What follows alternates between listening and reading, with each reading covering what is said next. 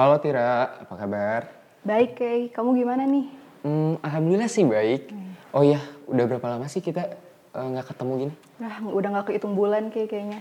Aduh, udah udah lebih enam bulan. Eh, Enggak lah, mungkin beberapa bulan lah Oke. dari kita awal, awal tahun Maret. ini kayaknya. Eh, eh, ya gitu. Iya. dari Maret, Enggak sih, kayaknya sekitar Februarian udah Februari ya. Hmm. Oh iya, kamu selama kuarantin ini udah ngapain aja nih? Ya kayaknya gitu-gitu aja sih, kayak nggak ada beda sama yang lain mungkin. Apa tuh? Ya rebahan lah, Kay. Kaum rebahan? Iya, kalau rebahan. Kayaknya kamu juga sama sih. Hmm, iya juga sih. Iya kan? Oh, Karena iya. nggak tahu lagi mau ngapain. Ya sih benar juga ya. Tapi kan seharusnya ngapain itu yang produktif mungkin ya. Ya, harusnya sih gitu ya, harusnya, Harusnya. bisa produktif. Habis ini lah ya, habis ini habis kita- habis ini kita harus ketemu. berpikir produktif. Nah ya, oh iya, kamu udah ini belum hmm, lihat dari konten-konten sebelumnya nih dari teman-teman kita dari prodi lain? Udah nih, aku lihat di YouTube-nya Fisik Unpas nih. Ya yang mana Aku tuh? lihat yang dari awal nih dari yang AP, Apa ya? Oh, yang oke. ngebahas tentang banjir ya kan, terus dari kasus Oh, juga. kalau boleh tahu itu Kang siapa ya? Yang Akang itu itu dari sama juga tempatnya Iya tuh nih, sama dari daerah aku, Banjaran, Banjaran. Kabupaten, langganan banjir Oh, nih. langganan Iya ya? benar, benar. Tapi kata Akang yang dari jurusan AP nih, Iya. kalau misalkan di Banjaran itu, kalau banjir tuh emang Langsung gitu ya. langsung padat banget, kayak langsung kayaknya mau ke kampus juga macet banget, kayak udah males. Tapi kan sebagai mahasiswa harus tetap semangat ya Iya, kan. iya sih benar ya. Bukan sebagai halangan lah ya buat Iya kita benar, mengajar ilmu. benar. Terus dari mana lagi sih? Dari KS ya, yang Ya, yang bansos tentang ya? bansos, benar juga kalau misalnya setiap banjir nih pasti ada bantuan, entah itu dari masyarakat sekitar atau juga dari Pemerintah. pemerintah, juga. Berkaitan ya, berarti di, di banjir itu banjir, bansos. Iya benar, banjir bansos tuh erat banget kaitannya. Udah Gak mungkin ya. terpisahin. Oh iya. Berarti satu lagi tuh apa ya? HI ya? HI nih ngebahas tentang apa nih kayak? HI itu kemarin tuh ngebahas tentang perspektif new normal dan HI-nya sendiri tuh. Lebih kemarin tuh ada perang dunia ketiga, Oh, terus ada konflik-konflik gitu, terus pemerintahnya juga ada. Jadi lebih ngebahas kata kalau aku lihat ya, mereka tuh lebih menganalisa Wah, tentang gimana hubungan-hubungan internasionalnya. Habis ini kan udah tuh tiga. Nah sekarang kita nih kita dari mau ngebahas apa nih kayak? Eh kita dari mana sih? Prodi apa Kita dulu? dari? Adbis, Adbis ya. Apa Administrasi Adbis nih? Bisnis. Oke, berarti ngebahas tentang Bisnis lah Oke pastinya. benar. Berarti untuk sekarang paling kita ngebahas tentang mungkin new normal dalam perspektif bisnis Ini nih. isunya ini ini banget kan lagi ha- happening banget nih akhir-akhir ini tentang new normal. Hmm, benar benar benar. banyak banget kontroversinya juga nih tentang Ada pro normal. kontra ya? Iya benar banget, benar banget. Kayaknya juga eh, tentang new normal ini kayaknya nggak nggak ada habis-habisnya juga nih, Hmm, sih, karena kan ada kaitannya dengan corona nih, Iya, si covid nih. kop- benar. koro-koro ini ya. Hmm, Tapi kalau dari bisnis sendiri gimana sih kita? Menurut Kamu aku- dulu deh. dari aku nih Ladies ya. soalnya. Kalau menurut aku nih sebenarnya new normal ini jadi peluang nih buat kita anak bisnis, iya. ya kan? Mungkin ya pasti ada negatifnya juga ya, Hmm. tapi buat positifnya new normal ini tuh jadi eh, suatu peluang usaha nih Hmm, untuk membuka usaha baru mungkin atau melanjutkan usaha yang kemarin Udah sempat ada ya? tertunda juga. Gitu. jadi lebih ke momentum ya, momentum Benar. momentum yang besar juga bagi apa ya segmen bisnis sendiri ya. Benar-benar momentum banget gitu. Oh kayak mungkin pernah gak sih kita pas kuliah nih ngedengar mata kuliah beberapa mata kuliah nih ada yang bilang terjadi suatu bisnis tuh karena adanya suatu ancaman atau masalah yang terjadi di suatu masyarakat Benar. tersebut. Berarti benar banget kan sekarang kenyataannya adalah kita adanya bisnis tuh malah ini tuh momen itu jadi suatu yang momentum berharga gitu bar- bagi segmen bisnis. Harus bisa dimanfaatin. Benar banget. Jadi peluang lah, peluang untuk kita terus berkembang dan bertahan lah untuk apa dengan keadaan seperti ini. Nah kalau misalkan buat keadaan kayak gini nih, eh kan pasti ada yang namanya peluang. Nah kalau peluang dari bisnis sendiri tuh kayak gimana sih yang eh, apa ya udah kita pelajari atau di masyarakat tuh kayak gimana sih Tir? Kalau kita pelajari kan Hmm. setiap eh, kata kamu benar tadi, setiap ada ancaman itu pasti selalu ada peluang. Ah, iya, iya. Sama kayak hal kayak gini, walaupun sebenarnya COVID ini kan berdampak banget ya Hmm. bagi kehidupan kita di masyarakat, tapi pasti ada peluangnya. Ah. Nah itu dengan adanya new normal ini nih, jadi cara cara kita untuk bisa keluar dari corona atau COVID ini kan dengan adanya new normal Hmm, untuk iya, iya, memulai benar-benar. kehidupan lagi. Hmm. Nah dengan new normal ini kita sebagai mungkin yang lainnya sebagai para entrepreneur atau para pengusaha atau perusahaan-perusahaan yang kemarin-kemarin udah sempat tutup, Tutup. nih ini udah jadi Kesempatan lah ya. nih Iya, untuk iya, membuka lagi atau untuk membuka suatu usaha baru mungkin yang eh, bisa agar lebih apa ya agar lebih eh, Lebih baik lagi sih ya, baik, lebih bertahan benar. long lasting Jadi, lagi lah ya. Benar-benar eh, lebih memperbaharui strateginya Hmm. lagi. Berarti kalau setuju sih sama yang kamu bilang berarti tapi kalau itu berarti secara gambaran umum ya berarti Benar. peluang tuh kayak gimana nya. Tapi kalau aku sendiri sih lebih ke eh, sektor-sektor apa, apa aja sih yang ada di bisnis yang bisa eh, jadi suatu peluang dari adanya pandemi ini. Kalau misalkan kita baik lagi suatu peluang berarti kan adanya suatu masalah dulu nih. Berarti adanya masalah pasti ada solusinya. Nah untuk di bisnis sendiri itu kita harus eh, lihat dulu beberapa masalah yang terjadi ada di masyarakat tersendiri. Misal nih eh, walaupun banyak nih ya ada beberapa peluang tapi aku ambil beberapa nih. Contohnya yang pertama sekarang banyaknya orang-orang tuh yang membutuhkan kesehatan. Oh benar, itu penting banget Nah sekarang kan nih. ditambah dengan adanya new normal, berarti kan usaha apa ya, kebijakan untuk berusaha menjadi normal kembali sebelum adanya COVID ini kan. Nah mungkin dari adanya kebutuhan eh, kesehatan ini bisa berbentuk dalam makanan atau min- minuman yang Hmm, lebih lebih sehat. sehat atau higienis dan bergizi juga. Mungkin ditambah dengan bisa apa ya, imun tubuh kita tuh biar jadi ningkat gitu. Iya. biar tubuh. si corona itu tuh nggak nempel Ke kita. bawah. Iya ke bawah. Terus bisa juga dari kesehatan itu alat pelindung diri. Nah, Nah, kayak misalkan penting banget sekarang kan. kayak misalkan masker, terus ada hand sanitizer, terus ada face shield tuh. Hmm. Kan awal-awalnya pernah kosongku, apa? Iya. Eh, stoknya habis. Nah, sekarang tuh udah mulai banyak nih. Tersedia Iya, di- mulai dari kalau aku lihat ya dari aku kan pernah ada lihat magang gitu di tempat jam. Hmm. Nah, itu tuh mereka malah ngeluarin masker versi merekanya dengan desain yang mereka punya gitu dengan ciri khas mereka. Dan itu juga unik menurut aku, Hmm. unik banget. Beda dari masker yang polos doang, tapi ini dikesannya ada berdesainnya lah. Lebih lebih menarik lah. Mm-mm, Terus ada ada juga tahu gak sih kamu pernah lihat face shield yang asalnya polos doang terus jadi ada warnanya ada oh iya lampu berwarna, iya benar. kayak. Iron Man gitu kan Iya, keren, keren banget, banget kan? itu berarti kreasinya apa inovat inovasi lah inovasi baru di face shield biar nggak apa ya nggak standar gitu biasa dari yang ada pembedanya gitu nah terus eh, aspek yang lainnya orang-orang tuh jenuh di rumah kan dengan adanya work from home Di rumah social aja distancing. Iya kemarin. hashtag di Di rumah rumah aja, aja, benar, nah benar. bener banget. Nah itu tuh jadi orang-orang tuh bingung eh, aduh kita udah lama nih di rumah jenuh. Ngapain ya? Bosen. Gimana? Kan kalau aku sih contoh aku suka olahraga. Ya cowok lah ya cowok. Harus jaga kesehatan juga. Jadi ya misalkan workout di rumah. Berarti kan workout sendiri itu butuhnya apa aja sih? Kayak misalkan baju olahraga peralatan olahraga. Terus misalkan eh, kita nggak tahu mau olahraga apa lihat tutorial di platform-platform digital misalkan eh, buat otot apa bagian apa. Nah itu kan bisa juga jadi bisnis. Nah tapi ngomong-ngomong platform digital nih kamu ini gak sih apa em, yakin gak sih atau percaya bahwa untuk masa yang kayak gini tuh lebih menguntungkannya adalah bisnis di sektor digital Bener banget. Kayaknya kalau sekarang secara offline ini udah mulai redup nih kayak banyaknya Iya, sekarang benar. yang menggunakan online.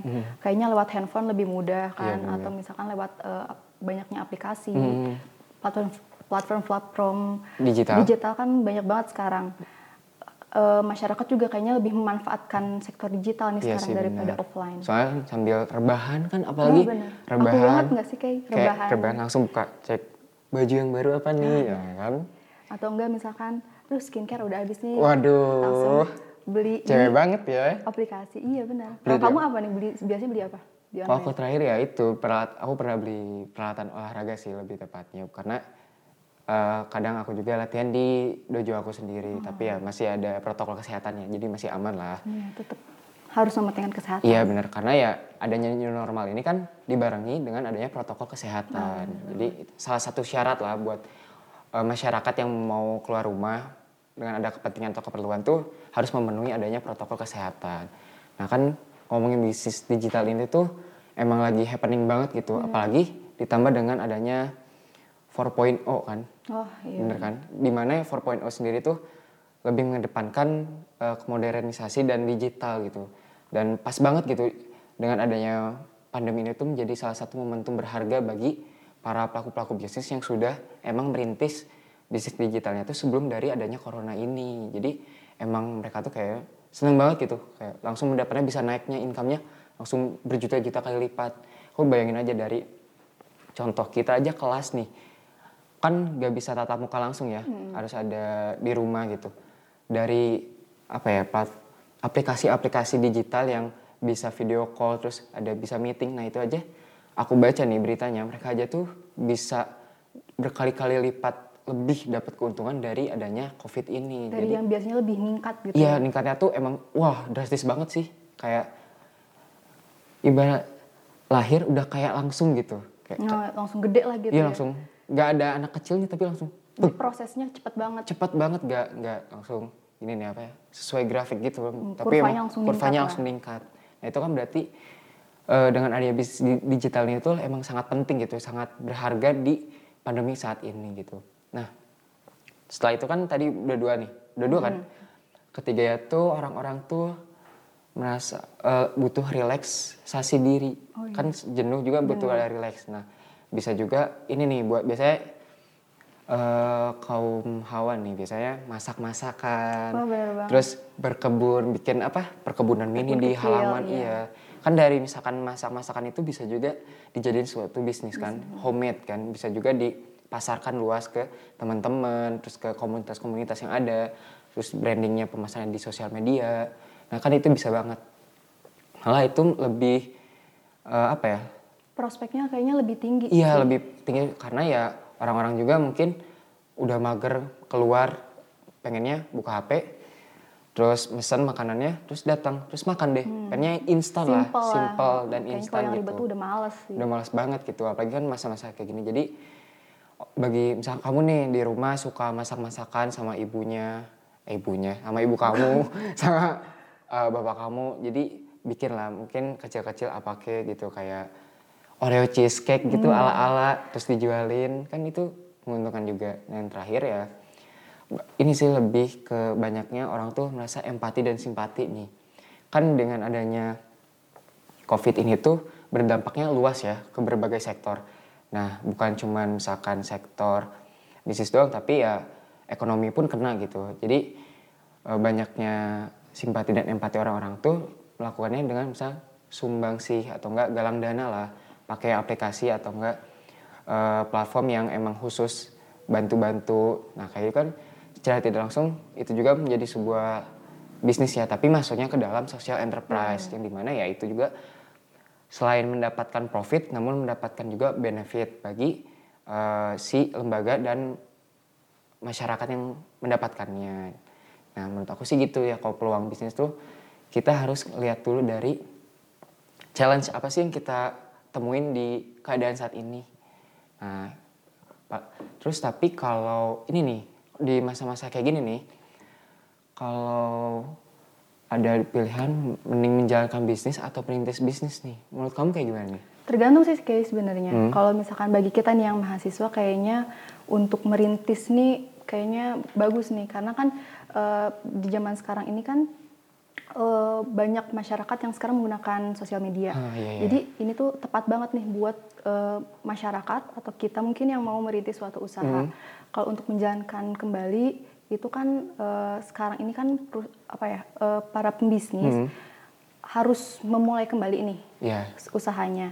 Tapi harus yang diperhatikan pasti pola hidup masyarakat berubah. Ah, perilaku kan, ya, perilaku ada masyarakat perubahan berubah, perilaku. gaya kehidupan masyarakat juga berubah. Sekarang apa-apa kayaknya lebih kepada yang pokok-pokok aja oh deh iya, gitu. benar. Kayaknya kalau misalkan Tersier eh, sekundernya mah nanti agak dulu nanti deh dulu gitu. ya. Karena kan kalau sekarang juga eh, walaupun sekarang udah ada new normal, tapi kan kehidupan belum seperti semula sepenuhnya, lagi iya, gitu. Jadi masyarakat pun yang akhir tadinya di PHK kan belum semua kembali bekerja. Iya, masih harus merintis lagi lah ya. iya, Cari-cari lah harus, ya. Harus mencari cara untuk eh, bertahan, tapi mm, dengan apa ya? Dengan ini sih dengan melatih diri kita, dengan melatih kreativitas Ah. untuk bertahan. Berarti dibutuhkannya kreativitas dan inovasi ya yang kita punya. Kan kalau misalnya kita di bisnis sendiri nih ya Tir, eh, ibu dosen tuh bilang ini, jantungnya suatu bisnis tuh karena adanya dua aspek, Apa yaitu tuh? Oh, kreativitas dan inovasi. benar. Jadi kalau misalkan kita udah memiliki dua aspek tersebut nih, nah di apa ya, kayak insya Allah lah ke depannya tuh eh, bisnis yang kita jalin tuh bisa long lasting dan bertahan. Nah, jadi kalau misalnya kita mau jadi seorang pembisnis, kita tuh harus memiliki dua aspek tersebut. Nah di samping itu kalau misalnya perintis nih, eh kan banyak juga nih bingung perintisnya kayak gimana sih, kayak gimana gimana. Nah lihat lagi sesuai dengan keadaan kebutuhan yang tadi kan aku juga udah bilang nih masalah yang ada di masyarakat kali ini tuh apa sih tentang apa. Nah balik lagi ke situ. Banyaknya resourcesnya kayak gimana. Entah itu survei atau enggak. Survei langsung atau by apa ya kayak pakai form gitu G form kayak gitu kan bisa juga. Nah kalau misalkan uh, ke depannya nih masih kayak new normal kayak gini kan eh maksudnya ke depan kita nggak tahu nih apakah new normal ini masih tetap berlaku atau tidak. Soalnya baca berita pun katanya kalau misal grafik si covid ini masih naik new normalnya bakal Bakal ditiadakan nah, kalau misal bagi pembisnis itu bukan jadi suatu masalah gak sih? Benar gak? Iya benar. jadi ya kalau misalkan di bisnis sendiri tuh ya ini menjadi peluang gitu. Walaupun di berbagai sektor di dalam bisnisnya tuh ada yang terhambat. Entah itu produksi distribusi dan konsumsinya. Tapi ya di satu sisi untuk secara general bisnisnya itu malah menjadi suatu peluang. Nah kalau misalkan ngomong kan dari tadi kita ngomongin bisnis nih. Benar. kalau misalkan dari prodi kita apa nih yang eh, kita kangenin gitu? Misalkan atau yang relevan dengan kehidupan masyarakat saat ini nih Tir? Kayaknya kalau yang relevan nih, yang kita pelajari ini Hmm. kayaknya benar-benar bakal kepake banget sekarang. Ini dari pemasaran gak sih? Pemasaran. Siapa tuh dosennya Ibu Yanti. Ibu Yanti Bener kan? Ibu sekjur kita Iya, ya bener. Oke. Bu Yanti ini kan selalu ngomong kalau misalkan untuk membuka suatu usaha ini penting banget untuk kita mengenali 4P. apa itu 4P Ada produk, ada promotion, ada eh, place sama price. Ya, price, ya kan? oke. Itu juga penting harus di eh, harus di apa ya? Harus bener-bener dipikirin gitu. Menurut kamu apa lagi Kay?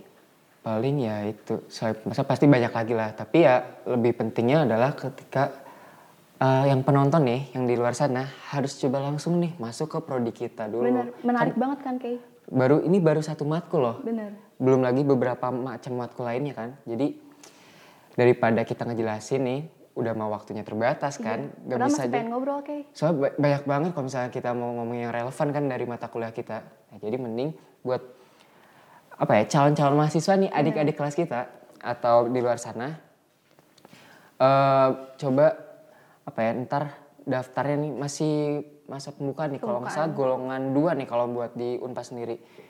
Itu bisa langsung daftar ke unpasnya sendiri. Bisa secara online, online juga, masuknya visip dan juga maksudnya administrasi bisnis Nanti dong. ketemu sama kita di Kay. Iya nanti pokoknya kalian tuh diajar untuk mencapai goalsnya sebagai entrepreneur karena goals dari prodi administrasi bisnis sendiri itu menjadi Menciptakan seorang entrepreneur yang kreatif dan inovatif juga. Nah mungkin bincang-bincang santai kita cukup sekian deh. Kayak terbat waktu nih waktu iya, waktu waktunya udah terbatas. Padahal Iya. masih pengen ngobrol nih. udah enak banget ya kayak wah masih banyak lah yang pengen diungkapin. Pokoknya ya buat penonton semuanya makasih udah nonton, Nonton kita. kita. Semoga jadi dapat insight juga bagi kalian. Pokoknya jangan lupa untuk like, comment, and subscribe. dari channel YouTube Humas Visip ini Tapi jangan lupa juga nih, apa nih? kalian bisa dengerin kita di Spotify. Nah, jadi bisa juga denger doang sambil tiduran. Jadi nggak usah lihat muka kita nggak apa-apa. menemani lah. tidur mungkin. Menemani tidur ya. Nah, paling itu aja dari kita. Semoga bermanfaat buat pelaku bisnis atau senior-senior kita nih di luar sana bisa Sharing. sharing-sharing atau ngasih saran di kolom komentar. Pokoknya kita saling sharing lah dan juga buat teman-teman nih khususnya Visip yang ingin apa ya mengekspresikan dirinya di kampus itu kayak gimana bisa juga Boleh datang ke sini nih. sharing-sharing lah di Humas. Tinggal hubungin aja Humas Visipnya. Gimana mau cerita apa, ntar dibuatlah kontennya semenarik mungkin. Tapi dibantu juga sama kalian lah, jangan minta ke humasnya sendiri. Ya, bener Iya, gak sih? benar, benar. Kan ntar kerepotan humasnya. Jadi mending sendiri aja. Pokoknya sekian. Dadah semua. Dadah.